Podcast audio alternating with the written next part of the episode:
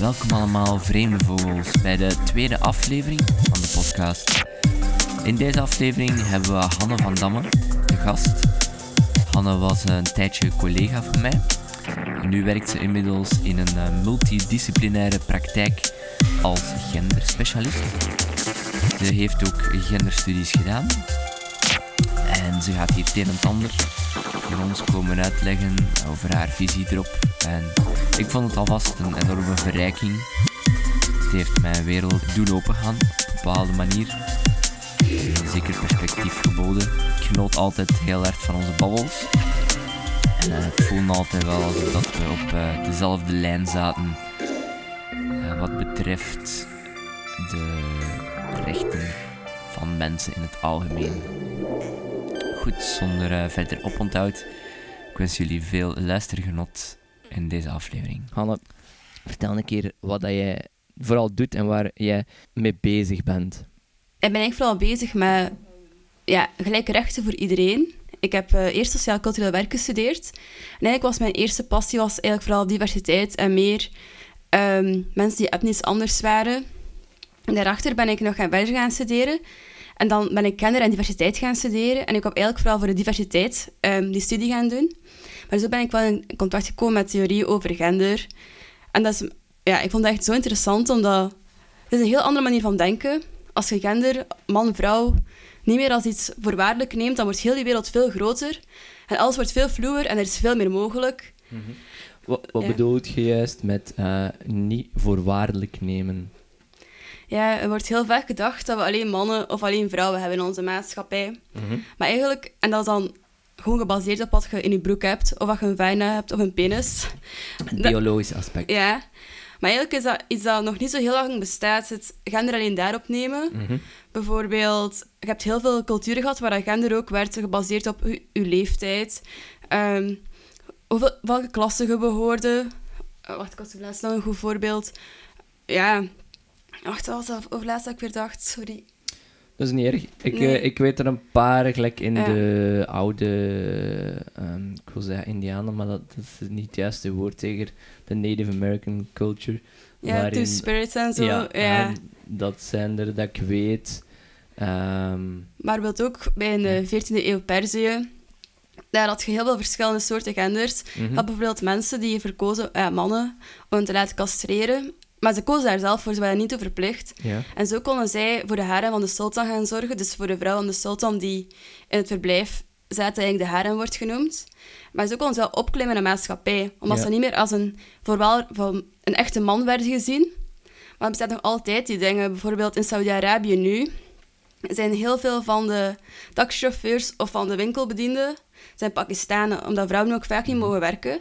Ja. Maar die eh, Pakistanen mogen wel de vrouwen van de Saudi-Arabische mannen vervoeren, omdat zij op basis van hun afkomst, omdat zij Pakistaans zijn en niet Saudi-Arabisch, worden zij niet als een echte man gezien. Ja. En daarom worden zij niet gezien als een Ja. bedreiging voor de Saudi-Arabische mannen en mogen wel met de vrouwen omgaan.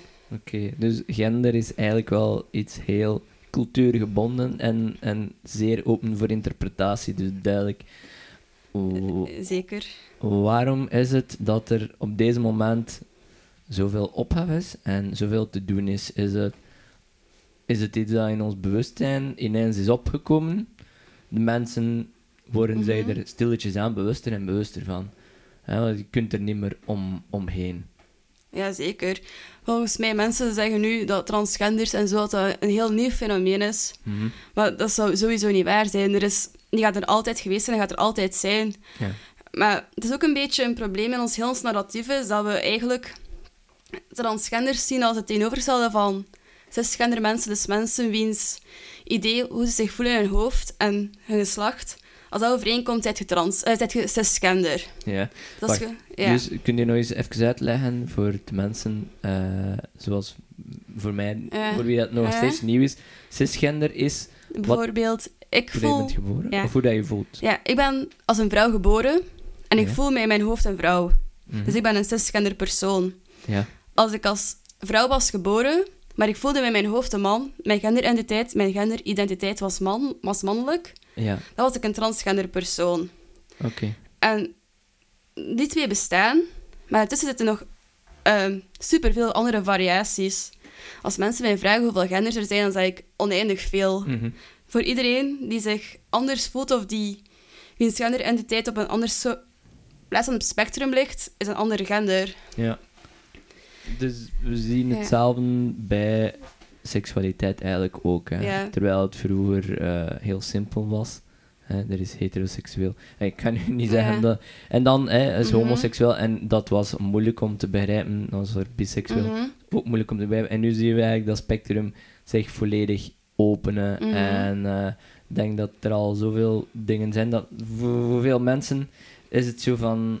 Ja, het is ook natuurlijk, blijft maar een label, hè. Mhm. Ehm, ik weet voor mezelf bijvoorbeeld dat, dat ik dat altijd nooit heel duidelijk heb geweten van wat, wat is dat juist? Mo- moet ik daar een Mhm. label plakken? Ik wil, eigenlijk voor mezelf wil ik het bijna niet, want het is, het is te moeilijk, het is te gecompliceerd. Mhm.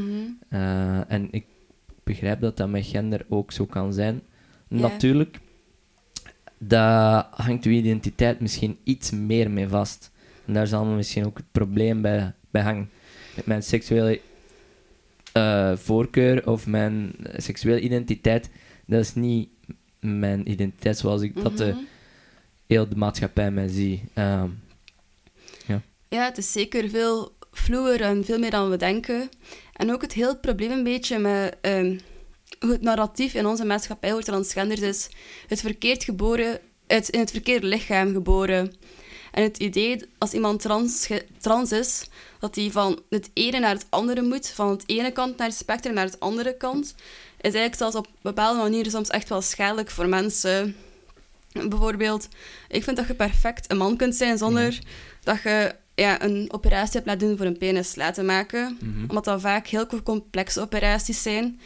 Er is kans dat het fout gaat, dat je nooit meer seksueel genot gaat kunnen hebben. Het gaat waarschijnlijk ook veel, veel minder vaak spontaan gaan. Ja. Dus, Wat bedoelt je met moed van de maatschappij? Verplicht u dan eigenlijk, als je dan man wilt zijn, dat je je dan ook laat opereren als man? Ja. Dat is nog vaak een heel groot idee dat in onze maatschappij leeft, dat je moet kiezen tussen de twee. Hm. Dat je niet gewoon, als je in je genderidentiteit een man bent en je kleedt je als een man, maar je hebt wel nog de lichamelijke kenmerk van een vrouw, dan kun je geen man zijn. Hm. En dan verwachten dat er operaties gaan gebeuren, dat vind ik iets heel erg schadelijk voor Ja. mensen. ja. Ja, zeker. Ik vind het sowieso al tamelijk schadelijk om mensen zo in hokjes te stoppen. Eh, nu, er is wel het praktische. Denk natuurlijk, eh zal maar denken, administratief of ehm, iets wat ik ook veel op heb Mhm. over hoor, is ehm, de competities, wedstrijden en zo. Mhm. Eh, wanneer mogen vrouwen meedoen bij mannen? Eh, eh, is, is dat eerlijk, ja of nee? Ik vind dat heel moeilijk en ook. Ik, ik, ik luister met veel aandacht Mhm, en plezier mhm. daarnaar. Ik, maar zelf weet ik het ook niet zo goed. Dus, Ja, maar langs de andere kant, Michael Phelps, een van de beste zwemmers ooit, die heeft een genetische afwijking waardoor hij zijn spieren niet kunnen ehm, verzuren. mhm. Is dat eerlijk? Dat wil ik ook wel. Eh, ja. Nee, dat is niet eerlijk. niet eerlijk als ik me de volgende dag super slecht voel na eh een honderdste van een training van Michael Phelps. ja, maar dan heeft hij ook een, een natuurlijk voordeel. Mhm. En dan, dan wordt hij geprezen voor, oh, dat is echt goed dat hij dat voordeel heeft. Ja. Maar er was ook zo'n loopster, um, Kaster, denk ik dat ze heette. Mhm. En zij maakte veel meer mannelijke hormonen aan en zij mocht niet meer meedoen. Ja. Omdat dat niet eerlijk was in de competitie. En van Ja. Michael Phelps wordt dat dan niet als oneerlijk gezien, maar van Kaster wel. Dus Ja, gewoon een beetje eigenlijk hypocriet. gewoon door uw geboorte gerecht eigenlijk. En dan komen we zo'n beetje op hetzelfde standpunt als bij immigratie en zo. Uiteindelijk. hè. ja. Zo, als je er niet mee bent geboren, dan heb je pech. Ja, Mhm. hè. Ja, het is vaak geluk of pech. Mhm. ja. Toeval, ja, zeker. Ja. Er komen in ieder geval, denk ik, heel spannende tijden aan. Met, eh, als ik maar rond mij kijk naar bijvoorbeeld biohacking en zo, dat, ik, dat gaat er ook zo'n beetje bij aansluiten. Vroeg of laat gaan we dat wel kunnen zien dat mensen kunnen switchen, Mhm. zelfs gedurende hun leven. Misschien eh, als een soort van eh, golf zijnde van niet hetzelfde geslacht te zijn voor de rest van hun Mhm. leven, maar daar eigenlijk kunnen tussen transitionen of, of gewoon geen geslacht. Dat is ook Mhm. al een heel een moeilijke. Eh allee, moeilijke. Voor mensen om te vatten. Mhm.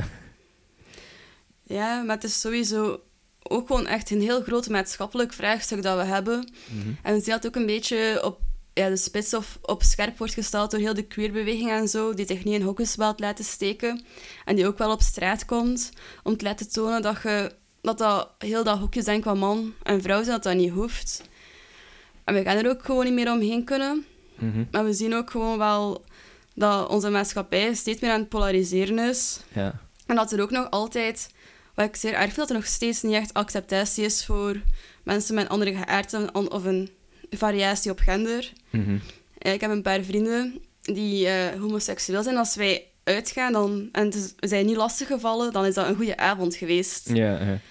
Dat, de, eh, de, ik denk dat 99% van alle vrouwen eigenlijk dat ook al kan herkennen van. Mhm. Dat is standaard iets waar veel vrouwen gewoon mee rekening moeten mee houden is. Ja. lastig gevallen worden, dat is eh, Mhm. eh, confronterend. Ja. Ook zeker zoals vorige week in Gent, dat er twee homomannen elkaar zijn geslagen. Mhm. En ze zeiden dan zelf, ah, we zijn misschien een beetje... We hadden wel make-up aan, maar dat is toch geen reden om ons aan elkaar te slaan. Natuurlijk Mhm. is make-up dragen als een man geen reden is om elkaar te slaan. Zeker, was niet. Ja. We denken dat we een heel open maatschappij zijn, maar dat zijn we totaal niet. Nee. Eh, er, er, er, is, er is waarschijnlijk is wel bewustwording. En ik, ik geloof dat, dat eigenlijk de, de maatschappij een beetje twee kanten op gaat. En dat is eigenlijk meer polarisering. En dat is mensen langs de ene kant is er een hele hoop meer liefde en een hele hoop meer Mhm. begrip. Maar de, ik wil niet zeggen negatievere kant, maar de, de andere kant die iets conservatiever is en die zich wat meer wilt vastklampen en vastbijten. En, en eh, die wordt eigenlijk ook een beetje radicaler. Mhm. En natuurlijk gaat dat ook een groot deel in beslag nemen van bijvoorbeeld de, de, de journalistiek, en het- hoeveelheid dat dat in het nieuws komt. Want zo gaat dat. Slechtere dingen worden Mhm. vaker belicht en, en eh, ja. Ja, zeker. Het, is niet, het is niet dat er minder goede dingen gebeuren of zo, maar de slechtere dingen gaan misschien nog slechter worden of erger. Eh, dat is wel iets waar ik voor vrees. Mhm. En ik ben daar niet echt negatief over of zo, maar ja, ik denk dat dat een, een, een soort van natuurlijke golf is eigenlijk. Ja, Helaas. Allee, de, de, er, er heerst ook een keerzijde aan. Hè. De keerzijde is dat er binnen het geheel publiek en een grotere acceptatie is. En eh, ik denk dat dit er eigenlijk een, een zeer marginale minderheid komt van mensen die dat er zo gekeerd tegen staan, maar dat die marginale minderheid zich wel echt veel luider gaat laten horen, veel extremer uit de hoek gaat komen en zo. ja, Ja. maar ik denk, als je kijkt, extreem rechts is aan het opkomen. Mhm. In Polen zien we gewoon dat er um, zones zijn. Dat cafés, handelszaken, dat die kunnen zeggen dat zij geen holibies willen in een zaak. Mhm. Dat hele gemeenten kunnen zeggen dat er geen holibies worden geaccepteerd in een gemeente. En dat vind ik echt ook iets zeer kwalijk.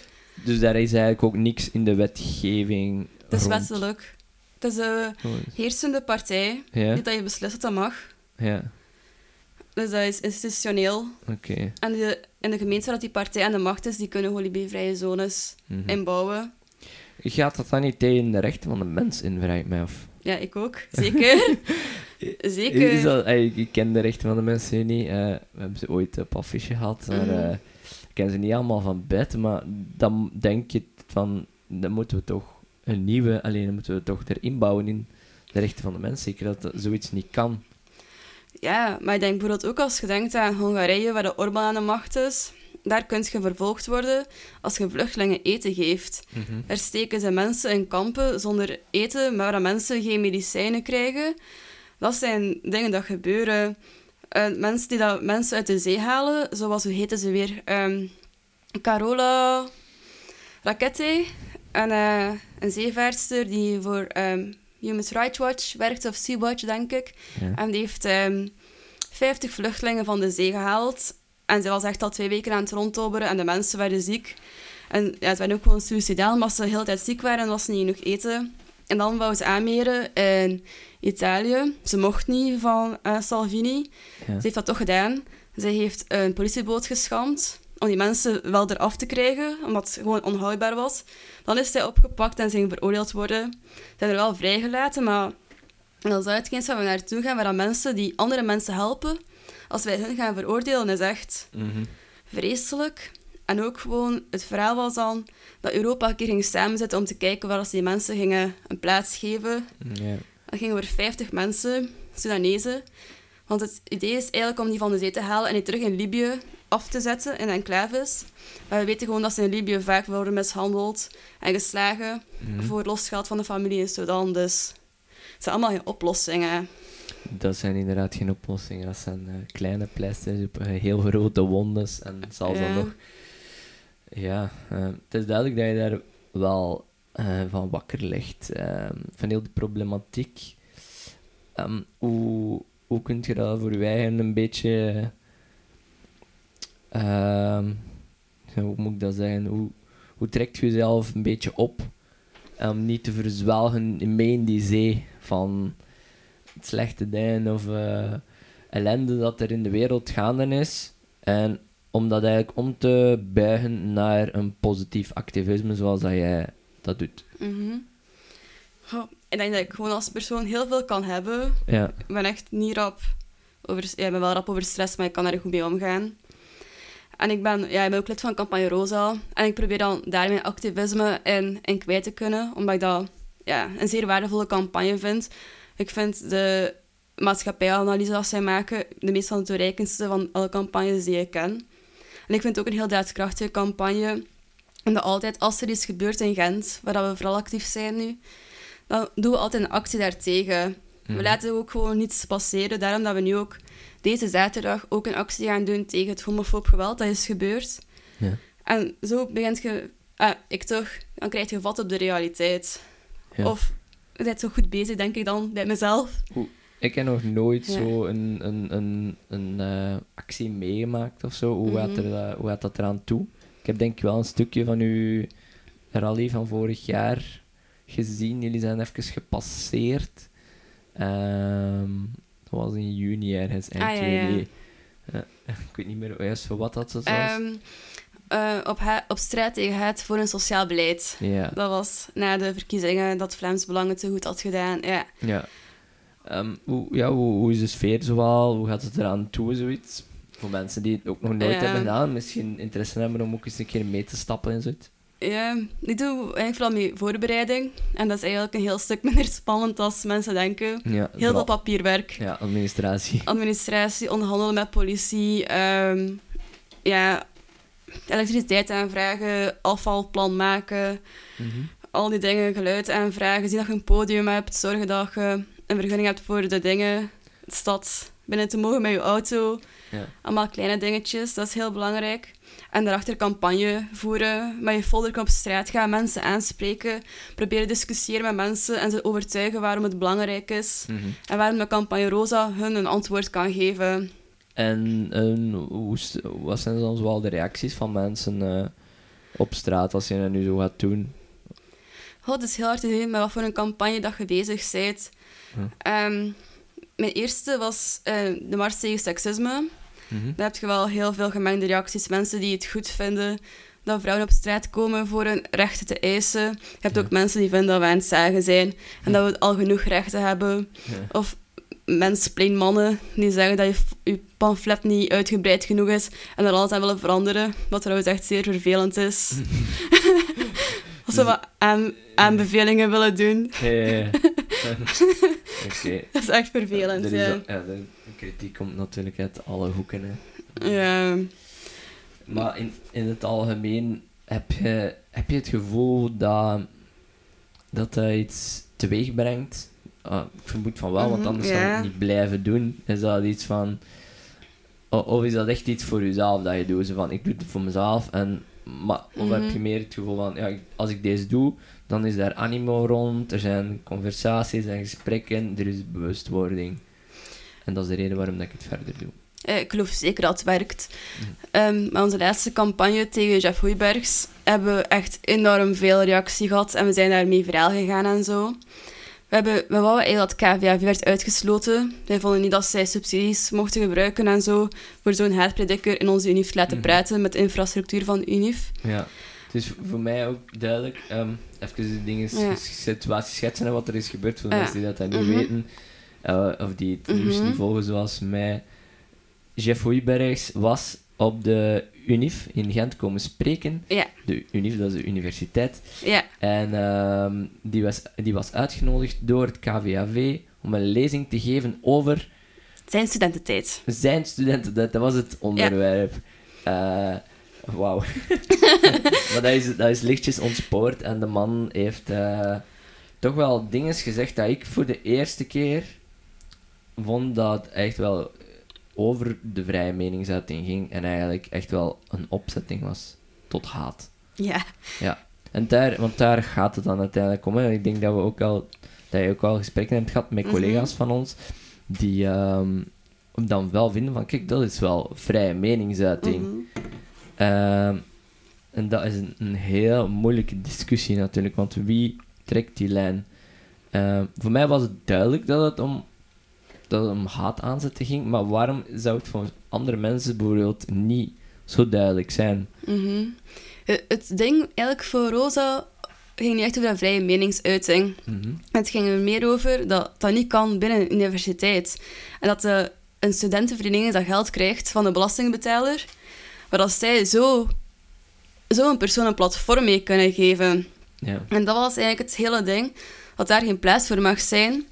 Mhm. Maar ik denk ook, ja, vrije meningsuiting. Ik vind seksisme geen mening. Seksisme is een maatschappelijk probleem dat vaak nog veel subtieler naar de bovengrond komt. Maar dit was echt gewoon een heel expliciete vorm. aan. Ik vind hetzelfde als racisme en discriminatie en andere mensen schade is volgens mij geen mening. Ja. Ja, de dingen dat hij heeft gezegd was. Het problematische, het meest problematische voor mij was dat dat natuurlijk op de universiteit werd gezegd. Ehm, Zeker. ik vind het is iets anders dat je dat op, zelfs op Facebook maar zet. Mhm. Ik vind niet noodzakelijk dat we misschien daarvoor mensen zouden moeten afstraffen, maar wel in die functie van een universiteit Mhm. Geen, ook geen factuele onwaarheden beginnen zijn. Hè? Nee, Ehm, want de dingen dat hij zei was, waren echt wel ranzig. uit, uit eh, 200 jaar eh, terug. Ja, het waren dingen En- als, ja, eh, vrouwen willen wel ehm, privilege van de mannelijke bescherming en het mannelijk geld, maar zullen hun benen niet meer open doen. Kinderen van alleenstaande moeders zijn Ja. uitschot van de maatschappij. Ja, en die van de wetenschappers eh, en van de dokters, collega's, dat was ook wel... Ey, dat, Ja. dat is iets dat onthutsend is voor iemand van de man van de Mhm. wetenschap en dan eigenlijk zoiets gaat zeggen. Hij zei Mhm. dat vrouwen eigenlijk nooit even goede wetenschappers als mannen konden zijn. Ja, omdat ze te emotioneel zijn. En dat is elke dag een beetje anders bij vrouwen en ze hebben mood swings en daarom kunnen ze niet aan wetenschap, Ja. aan wetenschap doen. Ja, dat is iets wat daar eigenlijk heel vaak terugkomt, wat ik ook heel vaak terug zie komen. En dan denk je aan bijvoorbeeld in Amerika heb je het Mhm. boekbeeld Ben Shapiro, die zegt: Facts don't care about your feelings. En heel die beweging en heel die mensen die Mhm. erachter staan, vinden dat ook zo'n sterke slagzin. Mhm. Maar dat, ik vind dat een verschrikkelijke slagzin, omdat feelings en gevoelens zijn wat dat ons menselijk maakt. En Mhm. in mijn ogen bes- facts bestaan, zijn zeer onderhevig aan Mhm. uw eigen perceptie. Ja, dat is zeker waar. Ik denk wat wetenschap wetenschap maakt, is dat je heel strikte procedures hebt. Dat, Ja. ja, als je Methodiek. Methodieken, ja, je moet genoeg interviewees hebben, je moet zorgen dat je steekproef groot genoeg is. Maar ik denk zeker in sociale wetenschappen dat je ook wel heel rap... Je bent in een discours aan het zoeken. En ik denk Mhm. dat dat nooit helemaal neutraal kan zijn. Je zit altijd een beetje... Ja, het gaat meer over methodieken dat je moet gebruiken, maar... Dat er altijd wel een beetje iets van jezelf in zit. Daar, daar ben ik 100% Ja. zeker van. Mhm. dat maakt ons ook menselijk eh, en, en dat maakt zelfs iets als iets cool en kill als wetenschap ook Mhm. menselijk, want eh, het, is, is onderhevig aan verandering en eh, het is niet iets dat vaststaat. Nu, ehm, als je nu die actie hebt gedaan ehm, rond Jeff Hoijbergs, hoe was de animo daar rond? Enorm. Ja? Het is echt zot geweest. Ja, we hebben heel veel mensen die interesse hadden in Rosa, wat echt super goed was. Maar ik denk het strafste wat we hebben gedaan is dat we... Wij wouden dat KVAV werd ges- uitgesloten, dat ze geen kans meer hadden aan de UNIF. Maar dat, dat hebben we niet gek- gedaan gekregen. Maar hebben wel voor kunnen zorgen dat ze worden geschorst voor twee maanden. Ja. En met drie maanden erbij, als ze hun niet gaan distancieren. Dat hebben ze volgens mij niet gedaan, dus waarschijnlijk gaan ze nu vijf maanden geschorst worden. Ja. Maar ik ben niet zeker, maar ik denk het wel. Maar we hebben wel getoond dat er geen plaats is voor haatpraat meer. Mhm. Want dat zien we ook echt gewoon, vaak nog altijd gewoon in onze reguliere media ook. Maar Jan Jan Bon die bijvoorbeeld zei dat de vluchtelingen naar hier komen en dat ze een huis kunnen bouwen of een huis kunnen kopen met kindergeld als ze hier opstrijken. Ja. De tijd heeft dat gefactcheckt en dat is niet waar. Mhm. En Theo Franken heeft dat heel vaak gedaan. Eh, foute informatie verspreiden. Er is al lang over doet dat ook heel erg vaak. Nou, ik denk dat we echt wel in, het, in dat tijdperk zitten. Ja. eh, ik denk dat Trump ook niks anders doet. Ik denk 90% van de Mhm. dingen dat hij zegt zijn gewoon uit de duim gezogen. Ehm, maar mensen weten niet beter. We worden ook gebombardeerd door zoveel informatie dat het, eh, dat het gewoon voor veel mensen. Het is niet meer duidelijk. Hè? Er is zoveel, zoveel informatie rondom u. Ehm, en dus nemen de mensen maar al te Mhm. graag aan. En zeker volgzame Mhm. mensen, mensen die leiderfiguren nodig hebben. Mhm. Ehm, waar wil ik naartoe gaan met mijn volgende vraag? Het is over informatie, ja. Ik zal af en toe ook een, een nummertje laten spelen, een klein beetje, een Mhm. muzikaal intermezzo, dat haalt de geladenheid Mhm. ervan af. Ehm waar ga ik nu weer naartoe gaan?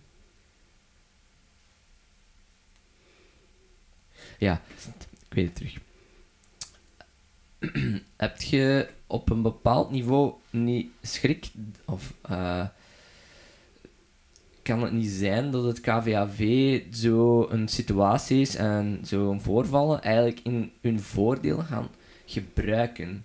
Ik, ik heb al, Mhm. bijvoorbeeld, ik zag gisteren op, op internet een filmpje van eh, KKK, eh, die ergens een, een protestactie deden, zullen we het maar Mhm. noemen, in Amerika. En eh, ze, ze zijn volledig bij elkaar geslaan, wat dat ik ook niet Mhm. goedkeur. Maar wat, wat hadden ze verwacht? het ding is, ze komen met een boodschap van wij haten iedereen die dan niet onze huidskleur heeft. Mhm. En gaan dan naar die mensen van die huidskleur. En natuurlijk zijn die mensen van, wat, jij haat ons? en ja, Ja, ja. en dat krijg je, en kreeg eigenlijk wel iets heel raar. Dus zij, zij werden gevictimized. Mhm. Terwijl dat zij wel degene waren die eerst op de proppen kwamen met de haatvolle boodschap. En dat krijg je nu ook een beetje bij het KVAV. Van, ah, zie je wel? En ze willen, Mhm. onze, ze willen ons de mond snoeren en ze willen ons eh, Mhm. vrije meningsuiting Ja, ja. afpakken en zo. En die mensen zeggen, ah ja, zie je wel? Kijk, Mhm. ze zijn geschorst, hè. Zie je wel? Je mocht niks niet meer. Hè. Het zijn linkse, linkse universiteiten, Ja. eh, cultureel marxisme, et cetera, et cetera. Ehm, terwijl het eigenlijk heel simpel was. Er Mhm. waren dingen dat, denk ik, zelfs niet kunnen gezegd worden van de wet uit. Hè. Seksismewet Ja. zegt dat je zo'n dingen niet kunt zeggen. Maar toch, hoe... Mhm. Ja, over de KKK gesproken. KVAV heeft ooit de Ja. voorman van een KKK laten komen. Ja. Op, on- op onze unief met ons geld dus. Maar ik denk dat ze... Ik denk dat het een ander verhaal is dan met de panelreportage van Dries van Langenhoven. Ja. Maar ze daar zijn geïnfiltreerd en het bewijs zelf hebben gezocht. Wij met Rosa hebben het niet zelf gezocht. We hebben gewoon die beelden van een Facebookpagina genomen. Ja. Ze, waren zo, ze hadden zoveel zelfvertrouwen dat ze mee gingen wegraken. Mhm. Dat ze dat gewoon allemaal zelf hebben gedaan. ja. Maar ik denk wel dat je een punt dat we voorzichtig moeten zijn. We hebben Dries van Langenhoven allemaal... Ja, we waren allemaal verontwaardigd in de panelreportage. Maar hij zit nu wel in het parlement. Dit nu wel in het parlement. Mhm. Maar ik denk ook wel... Dat we moeten... Ja, maar... Ja, en lelijke sokken. Maar ik denk wel dat we moeten blijven daarop reageren dat dat niet kan en dat daar geen plaats voor is. Ja. Want als we dat gaan doen... Mhm. Ik krijg ook al haatberichten. Ben blijkbaar een culturo. Ja. Ja. Wat is dat? En blijkbaar een culturele elite. En blijkbaar geloof ik in... Vinden mensen dat racisme niet bestaat en daarom ben ik een culturo, omdat ik daar wel in geloof. Ja. Rare dingen, ja. Ja, en zeggen dat racisme niet bestaat. ja ik krijg zo berichten op mijn Facebook. Ja, een, on- een ontkenning van. eh, ja, Oké, dat is. eh, het is. ehm, het is wel een ding om te. Om, het is een, mm, een rare gedachte om, Mhm. om, om zoiets te kunnen zeggen en dan spreken waarschijnlijk uit een standpunt dat je nog nooit met zoiets te maken hebt gehad, want anders kun je dan Of dat Ja. je je eigen privilege niet kunt erkennen. Mhm. Dus het is één ding om te zeggen dat eh, racisme niet bestaat. Mijn, mijn inzicht, mijn, eh, de manier waarop dat ik er rond werk, is, is ook wel is anders dan jouw manier. Ehm, en dat is, is om het samen geknopt. Ik probeer eigenlijk empathie te hebben voor die mensen. Bijvoorbeeld bij Chef Chef Mhm. Hoeibergs probeer ik echt zo te zien van waar dat, dat komt. Dat is eigenlijk bijna iets Mhm. analytisch van hoe, hoe kan het dat iemand zo gekwetst is, zo, zoveel pijn heeft, van waar komt dat? Hoe, hoe, die, die pijn in zijn hart. En wat kunnen we eraan doen?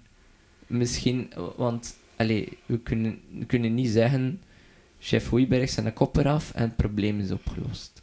Nee. Er is Langenhoven opsluiten in, in de kerkers nee. en de KVAV-knokploegen op afsturen, dat is een, eh, wat ik zeker en vast dus ook niet goedkeur. zo- Zo'n dingen. En ik krijg dan van mijn kant uit, ook van de linkse kant, heel vaak kritiek van David. eh één, je zit, je zit veel te soft. En eh, nee, nazi's moeten dood, et cetera, et cetera. Maar ik, verm- eh, ik denk dat we dan blijven in Mhm. datzelfde patroon hervallen. Ja, zeker. Ja, hoe- hoe vind jij empathie voor zulke mensen? Eh, hoe kun je toch nog een boodschap van liefde die een beetje universeel is uitsturen? Ik denk dat dat een beetje het verschil... Empathie is sowieso belangrijk. En ik vind ook sowieso dat we moeten dat blijven hebben voor elkaar. En dat we naar elkaar moeten blijven luisteren. Mhm. Maar ik zie racisme of seksisme niet als een schuld van een individu. Of er zijn natuurlijk heb je racisten als Dries van Langenhoven of seksisten als Jeff Hoijbergs. Ja, Maar racisme is echt gewoon een maatschappelijk, een structureel probleem. ja. Dat op de spits wordt gedreven door ehm, topmannen van Vlaamse Belang en zo. Dus het is eigenlijk echt iets collectief. Ja, maar het is bijvoorbeeld, we hebben te weinig sociale woningen.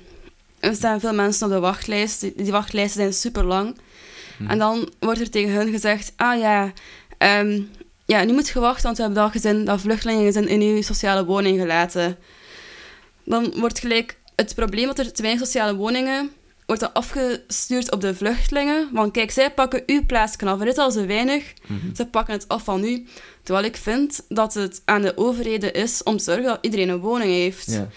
En dan, Ja. dan, als we daarop gaan focussen, dan kom je eigenlijk nog op een groter probleem. Is waarom hebben er zoveel mensen een sociale woning nodig?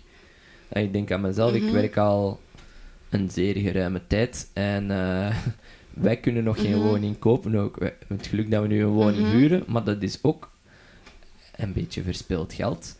Ehm, maar we hebben niet echt uitzicht op veel beters op het moment. Mhm. Dus structureel zit daar het een en het ander fout. Dit Oh. structureel is heel veel fout, ja. Ja. Hoe, hoe, hoe komt het dat, eh, dat we daar niet op meer gaan focussen, maar dat we meer op het de scapegoating gaan doen en mensen gaan zwart maken? En, ja, een soort van Mhm. super simpele oplossing. Van, als die er niet zijn, alle problemen. Ja, zij pakken alles af, zijn veel te duur en zo. Voilà. En dan, als zij er niet zouden zijn, dan zou er geen Mhm. probleem zijn. Maar dat dat zo ook een beetje een probleem is met neoliberalisme, het idee. Mhm. Ja, ik ben, ik ben niet echt liberaal. dat is zo een beetje het probleem van, het is individu- individuele verantwoordelijkheid en zo. Ja. Maar bijvoorbeeld milieu, klima, klimaatproblemen en zo. Dat we het voor iedereen duurder gaan maken door vuiler betaalt. Dus jij elke mens betaalt voor zijn vuilniszak buiten te zetten. Maar die grote vervuilers, zoals ArcelorMittal en zo, ja, nu wel in zal zaten. Maar die Mhm. bepalen procentueel veel minder dan een gewone mens betaalt voor zijn afval buiten te zetten. Het idee dat we lage emissiezones gaan implanteren, dat mensen een auto niet meer mogen gebruiken. Ja. Maar dan gaan we er niets tegenover zetten. Ja. De bussen zijn al super lang aan het staken. Terwijl als we zouden investeren in openbaar vervoer, deftig openbaar vervoer, dat betaalbaar is, dat betrouwbaar is, dat mensen de auto niet nodig hebben naar de stad te gaan, Mhm.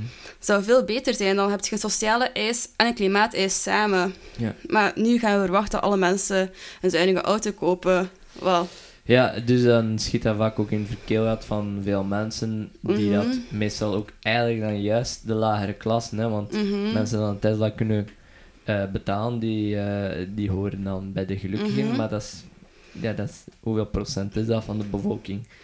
En dus Ja. inderdaad, en dan denk ik aan, aan een bepaalde wijken waar dat er eh, heel veel mensen nu misnoegd zijn, hè. En ja, kan, ze, kan ze ook geen ongelijk geven, hoe groen dat ik ook ben, eh, diep in mijn hart. Dat is, ehm, Mhm. ja, Ook met het circulatieplan. We hebben de auto's nu langs de armere wijken gestuurd, waardoor de mensen daar veel meer last hebben van. De rijken wonen in het centrum, hebben schone lucht. eh, schone lucht. De armeren wonen nu wat heel veel auto's voorbij komen. mhm. Dus, denk aan ja. bijvoorbeeld. Eh, Ja, ja. en ik denk dat we het klimaat echt niet gaan redden door zo, zulke eisen. Ik denk dat we het sowieso en ook sociale eisen gaan moeten koppelen, want anders gaat het volgens mij niet werken. Ja. Collectieve structurele oplossingen. Ja. Dat we terug gaan stoppen met heel het besparingsbeleid en gaan investeren in wat nodig is, in plaats van alleen bedrijfssubsidies. Inderdaad, dat is, beaam ik volledig. En als je zegt collectief, dan is het ook wel belangrijk dat we echt Mhm. in dialoog gaan met elkaar en naar elkaar gaan Mhm. luisteren. Hè. Ik denk dat daar een, een heel groot probleem zit in de huidige Mhm. politiek. Eh, is dat er toch niet zoveel wordt samengewerkt. En dat er meer modder wordt gegooid naar elkaar dan wat anders. Mhm. En eh, het is, we hebben elkaar nodig. Ik denk dat dat evenwicht, evenwicht is nodig. Ik geloof niet in, in een, in een eh, marxistische utopie of zo. Alle klassen zijn nodig. We hebben Mhm. een insteek nodig van neoliberalisme misschien. Ehm, maar nu neigen we te hard naar ene kant. Mhm. Het is duidelijk niet meer in balans. Ik denk, als, als je dat wel ziet, dan eh, wil ik wel een keer die rozenbril opzetten. Mhm. maar eh, ik, zie dat, ik zie dat toch zeker en vast niet op het moment. Ik denk dat er al wat de beweging is in onze maatschappij. Mhm. Zeker de laatste tijd onder Jan Jan Bon.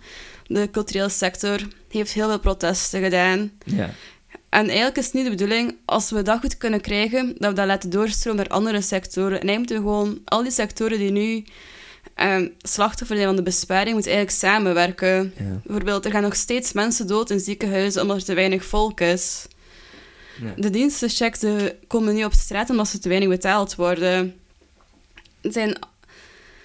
Ja, ik geloof wel echt dat we met collectieve strijd iets moeten doen, maar we moeten wel op straat komen, we moeten het wel samen doen, iedereen samen. En daar, daar, daar komt jij dan in. En, en eh, dat is ook een van uw Mhm. hoofdmotivaties waarschijnlijk om die dingen te organiseren. Ja, dat zou ik wel leuk vinden. Wat, wat is het volgende dat je nu eh, gaat organiseren? Het was de, de Mars tegen homofoob geweld. Ja, het is Ja. ja, meer een actie met ehm, ja, speeches en zo. Dat is het kleine actie dat we nu gaan doen. Mhm. Maar op 14 maart is het Equal Pay Day. En dan gaan we wel een grote mars organiseren. Ja, dat is Ja. om, om de, de kloof aan te kaarten dat er nog steeds bestaat tussen eh, eh, vrouwen en mannen in, binnen in de bedrijfswereld en hun loon en zo bijvoorbeeld. Ja. Ja. Het is eigenlijk op Equal Pay Day, is dus 14 maart. Dat, want dan moeten vrouwen in de bedrijfswereld werken om evenveel te verdienen als de mannen heel vorig jaar. Ah ja, Dat is een beetje de symbolische datum daarvan. oké. Dus daar zijn we nu wel mee bezig. Op 8 maart is in Brussel, want Rosa is ook, interna ehm, ja, ook internationaal, maar ook nationaal georganiseerd. Mhm. En dan gaan we een grote vrouwenmars doen, wat Internationale Vrouwendag is. Dus we hebben wel echt nog een heel druk programma. Ja. Oké. Zijn er mensen die dat zo eh, heel vocaal luid worden in het publiek? Bijvoorbeeld, zou maar zeggen, mannen die zich eh, bedreigd voelen of zo en daar eh, luid op gaan propageren en dus niet meer alleen van op internet of zo? Of valt dat, valt dat wel mee als je zo van die marsen doet? Goh, we werken altijd acties. Dat heb ik nog nooit echt meegemaakt. Hm. Ik heb wel gehad met die ene mars op 23 juni vorig jaar. Dan, eh, ja, we werken altijd wel heel goed samen met de politie. En dan hebben ze wel een, wat rechtse neonazis uit het publiek gehaald. Maar de politie zit eigenlijk al kei lang op voorhand. Want die Ja. zien er ook meestal nogal opvallend uit met een kaalgeschoren hoofd en zo. Dus. Ja, ja. En zijn meestal al gekend, maar echt erge dingen. Live ben ik nog nooit echt tegengekomen. Dus het zijn eerder extreme uitspattingen dat er dan af en toe zo is, maar voor de rest. Dus het is niet dat er geknokt wordt op zo van die dingen of zo. Nog nooit Nee. meegemaakt. Ah, ja, dat is goed. Nee. Denk ook een beetje iets anders dat misschien meer in ook de linkswereld speelt. Ook als je vrouwelijke activist bent, dat je ook wel vaak berichten krijgt van andere linkse mannen die met je willen afspreken en zo. Dat gebeurt ook en die ook wel opdringerig zijn. Mhm. Dat gebeurt ook wel. Terwijl je dan staat als feminist-activist en dan toch per se je aandacht wil. En dat vind ik wel een heel lastig, omdat dat Huh? ook wel je eigen Ik- community is. Ja, ik vind het goed dat je dat een keer onder aandacht brengt ook. eh. Ja, dat is best wel vervelend. ja, dat kan, kan, ik mij, kan mij volledig inbeelden. Eh, ik denk dat dat eh, persoonlijk als eh, man zijnde, kan je daar ook over spreken, dat is een collectief iets. Ik geloof een beetje in, in de geest van eh, de, de mannen is, is zo, hoe zeg je dat, een soort van apart, een aparte gedachtegang. Je hebt vrouwen en, en dan heb je Mhm. de eh, real, realm ertussen. Mhm. Maar in het algemeen is er wel iets in het mannelijk bewustzijn dat echt wel nu aan de boven, Mhm. naar boven is aan het komen. En ehm, ik hoop dat daar ook verbetering in komt. Want ik heb ook een dochter en ik heb ook Mhm. een, een vriendin. En eh, ik vind het niet wijs als zij, zij wordt lastiggevallen. En dan denk ik van, waarom? Wat haal, waarom? Wat ligt daar daar aan de oorzaak? Ik weet het zelf niet, ik ben geen psycholoog. Eh, Mhm. Ik vermoed dat het een combinatie is van opvoeding, eh, maar ook wel maatschappij, hoe dat de Mhm. maatschappij in het algemeen kijkt naar mannen bijvoorbeeld. Ik denk dat het patriarchaat is. Ja. Het idee, ja, dat vrouwen altijd moeten klaarstaan voor mannen. En ik vind dat ook raar dat ik dan zo van die, ber- van die berichten krijg van andere linkse mannen.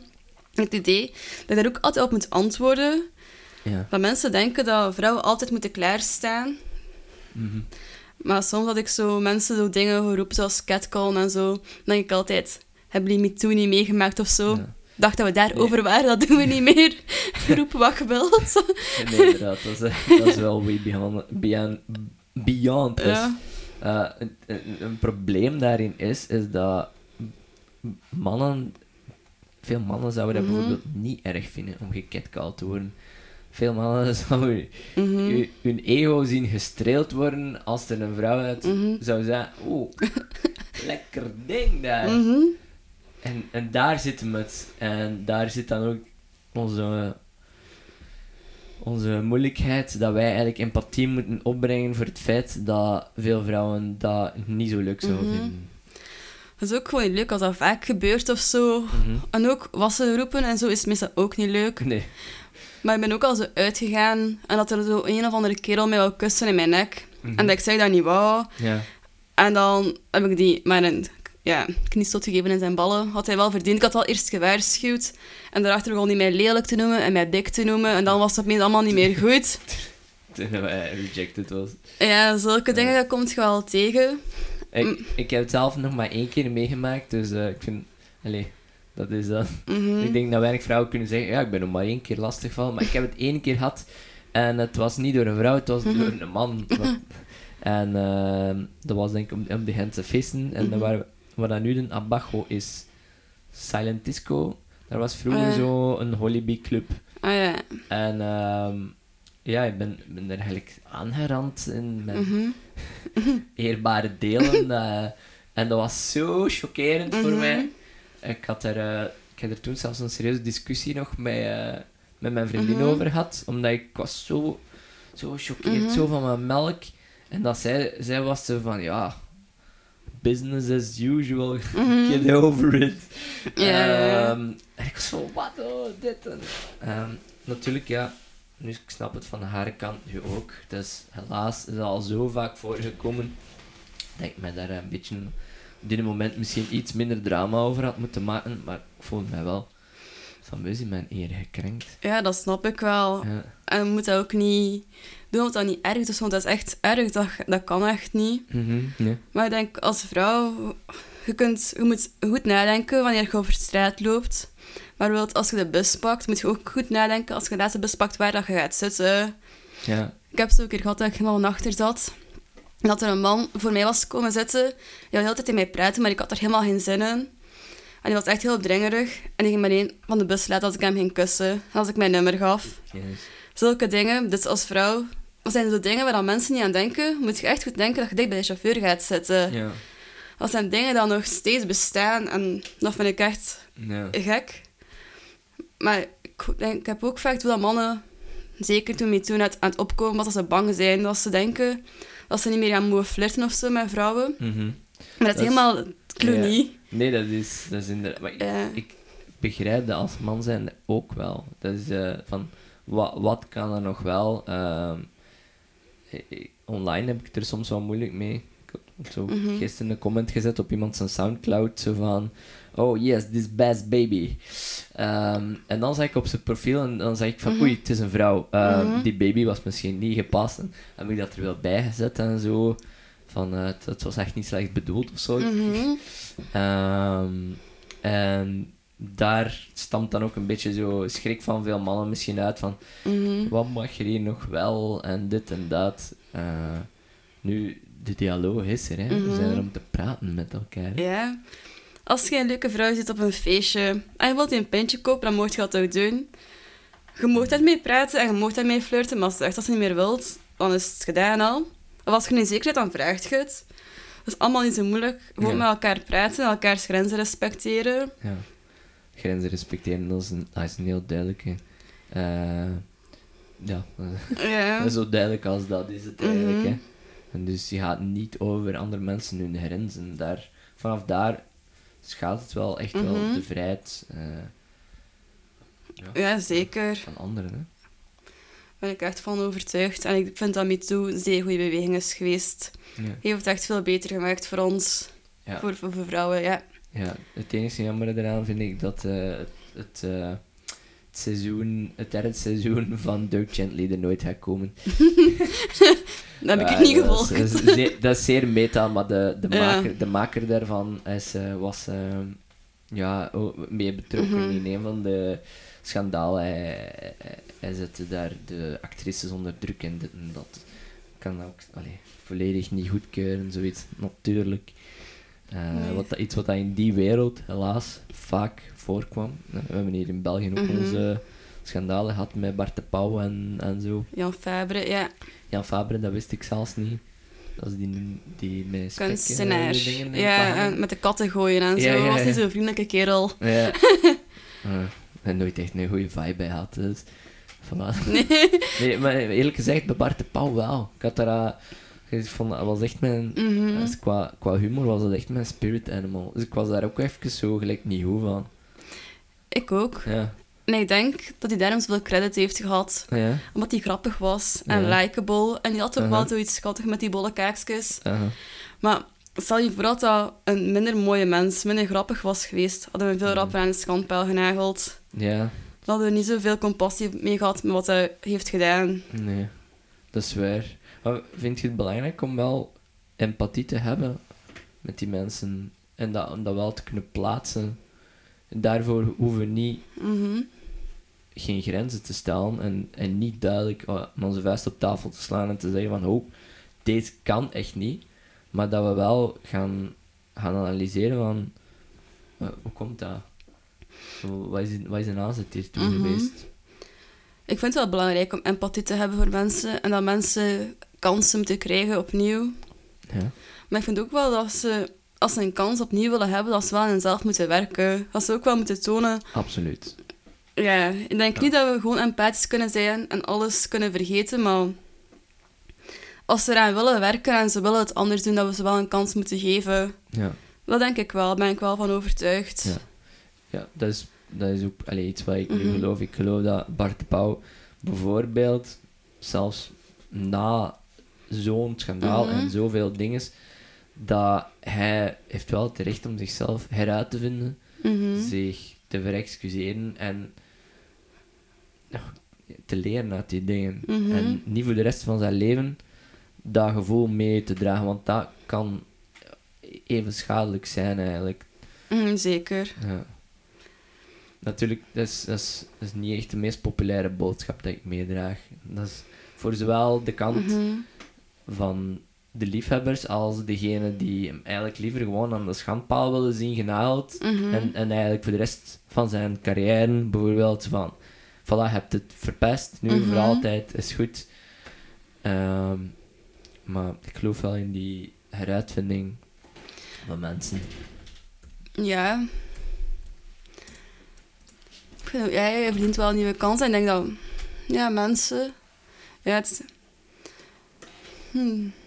Het is een moeilijke, hè? Ja. Dat is moeilijk, ik weet, het is, niet, het is, het is echt eh, het is niet de meest populaire boodschap. En ik heb hem zelf ook niet altijd uitgedragen Mhm. op die manier. Maar ik merkte dat als ik dat niet deed, dat ik echt, eh, echt opgeslokt werd door eh wrok. En Mhm. dat, was, dat was dan vroeger vooral tegen racisme en tegen racisten. En eh, het was heel simpel. hè. Ik haatte racisten.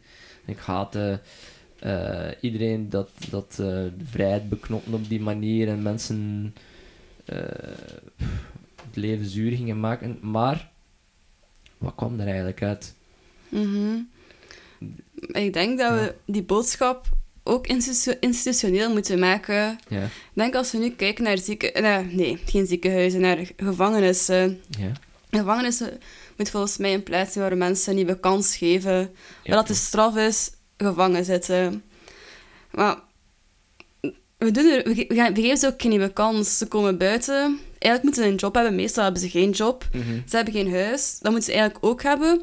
Je stuurt mensen gewoon terug op straat. Ja, ik, ik, Ja. dit is nog een zeer onpopulaire Ja. mening dat ik daarover heb, maar Uh-huh. dat is... Uh-huh. Ik geloof echt niet in het, in het eh, crimineel systeem zoals dat er nu is met gevangenissen en zo. Eh, nee, geen, ik geloof in het collectief en, en mensen hebben Mhm. mensen nodig. En wat hij daar doet, is eh, mensen nog meer afzonderen, nog meer Mhm. in een beperkte kring en een beperkt milieu brengen en eigenlijk nog moeilijker maken om te reïntegreren in de Mhm. maatschappij. Ja, nee. Ja. Was ook zo in Gent zo'n tijdje geleden met Roma-kindjes. Waren Roma-kinderen en jongeren die dat, de, ja, die dat kattenkwaad uithaalden, en ook wel stout waren en soms er ook wel serieus over gingen. Maar wat deden we? We pakten ze op, de politie nam ze mee. Als ze oud genoeg waren, mochten ze naar een instelling, anders mochten ze gewoon terug. Ja. Maar waar wonen die kinderen? Die wonen in kampen. Die hadden geen scholing. Ik had een keer zo'n klein kindje, denk negen, een joint zien smoren. Als je ze opsluit, wat voor? En je brengt ze terug. Hmm. Wat hebben ze? Ik denk, Een traumatische ervaring erbij. ja, een traumatische ervaring, maar geen perspe- ook geen perspectief. Nee, we moeten nee, zorgen dat, die, Absoluut. dat onze kinderen, waar we, die bij ons op, on- ja, waar we voor moeten zorgen dat die perspectief hebben. Mhm. Waarom zou, zouden ze hun best doen? Ja. Ze hebben geen huis, ze kunnen niet naar school gaan. Hoe gaat een toekomst eruit zien? Hm. Ja. Ja. Nee, inderdaad. eh, daar is zo zeer, zeker nog werk Mhm. aan de winkel. Eh, ik ben blij dat, je- dat jij een uitdrager Mhm. bent van, eh, van boodschappen als dat. Allee, van, Mhm. van zo, zulke positiviteit. Ehm, wat zie je zelf nog doen in de toekomst? Ik weet dat je nu Je hebt me net verteld dat je een nieuwe job ook gaat beginnen als... Wacht, Ja. hè. Genderspecialist? Ja. Nee, is dat juist? Is dat de juiste titel? Ja, In een multidisciplinaire praktijk. ja. Dus het gaat zo'n beetje... Ik ben eigenlijk ook sekscounselor. Ja. Ja. Dus mensen met seksuele problemen en zo mogen ook bij mij komen. Maar ik ben meer gefocust op gender. Ja. Dus mensen die, dat heel veel, die vragen hebben of die dat een goed gesprek willen met iemand die waar kennis over heeft, Mhm. Die mogen zeker bij mij langskomen. Dus ik heb er echt heel, heel veel zin in. Oké, waar, waar is dat? En waar vinden ze u? Uh, Sint-Niklaas. In Sint-Niklaas. Oké. Ja, ik moet nog goed afspreken met mijn baas en zo. Het is nog allemaal een beetje spannend, maar normaal die komt allemaal in orde. Oké. Dat is inderdaad wel spannend. Ik denk dat dat ook iets, iets nieuws is. Hè? Ik denk niet dat er al Mhm. veel eh, mensen zulke posities hebben bekleed, eh zoiets hebben gedaan. Nee, het was ook gewoon heel erg moeilijk om werk te vinden binnen de sociale sector. Dus ik moest gewoon echt wel heel creatief zijn om iets te vinden als ik iets zou doen met mijn diploma. Ja. En dan ben ik, ik aan het rondfietsen in Gent en ik zag een groepspraktijk waar ze seksuologie gaven. Ja. En dan heb ik gewoon naar alle groepspraktijken in Gent een mail gestuurd en eentje heeft gebeten. Dat ik blijkbaar in Sint-Niklaas zat.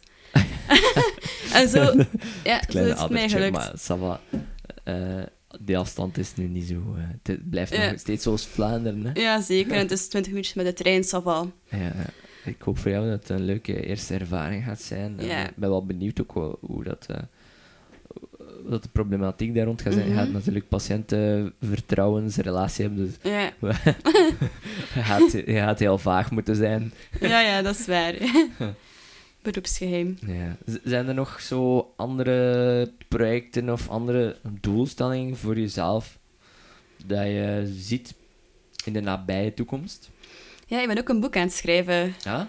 Ja, Fantastisch. over gender natuurlijk. Ja. Eh, Meer over ehm non-binariteit en zo. ja. En ik ga eerst een theoretisch deel erin steken. Oké.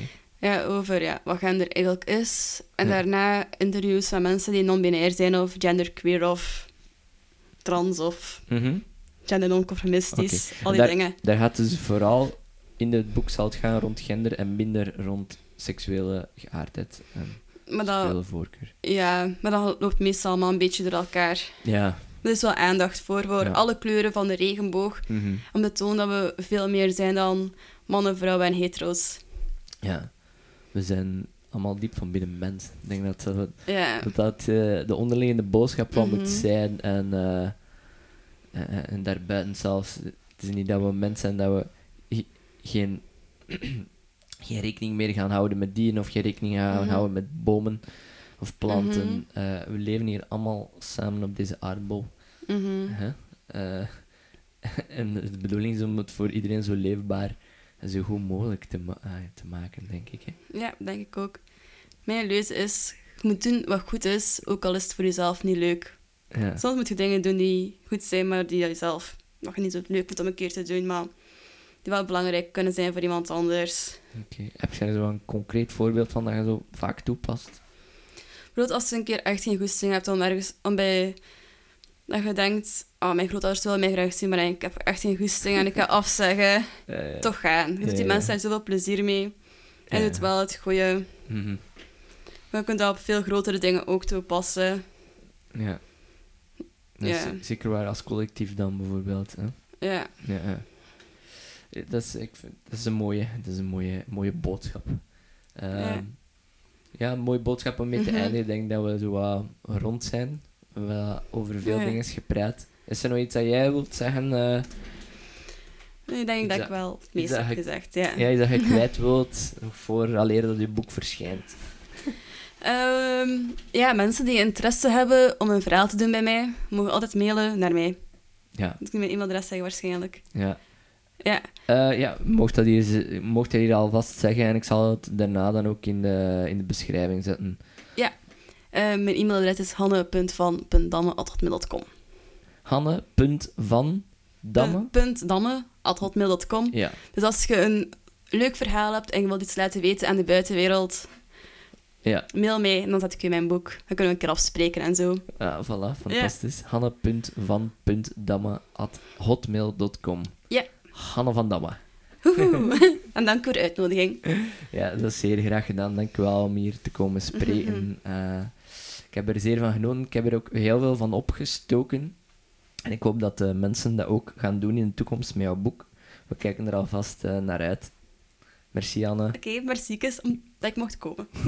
Salutjes. Salut. Yo, yo.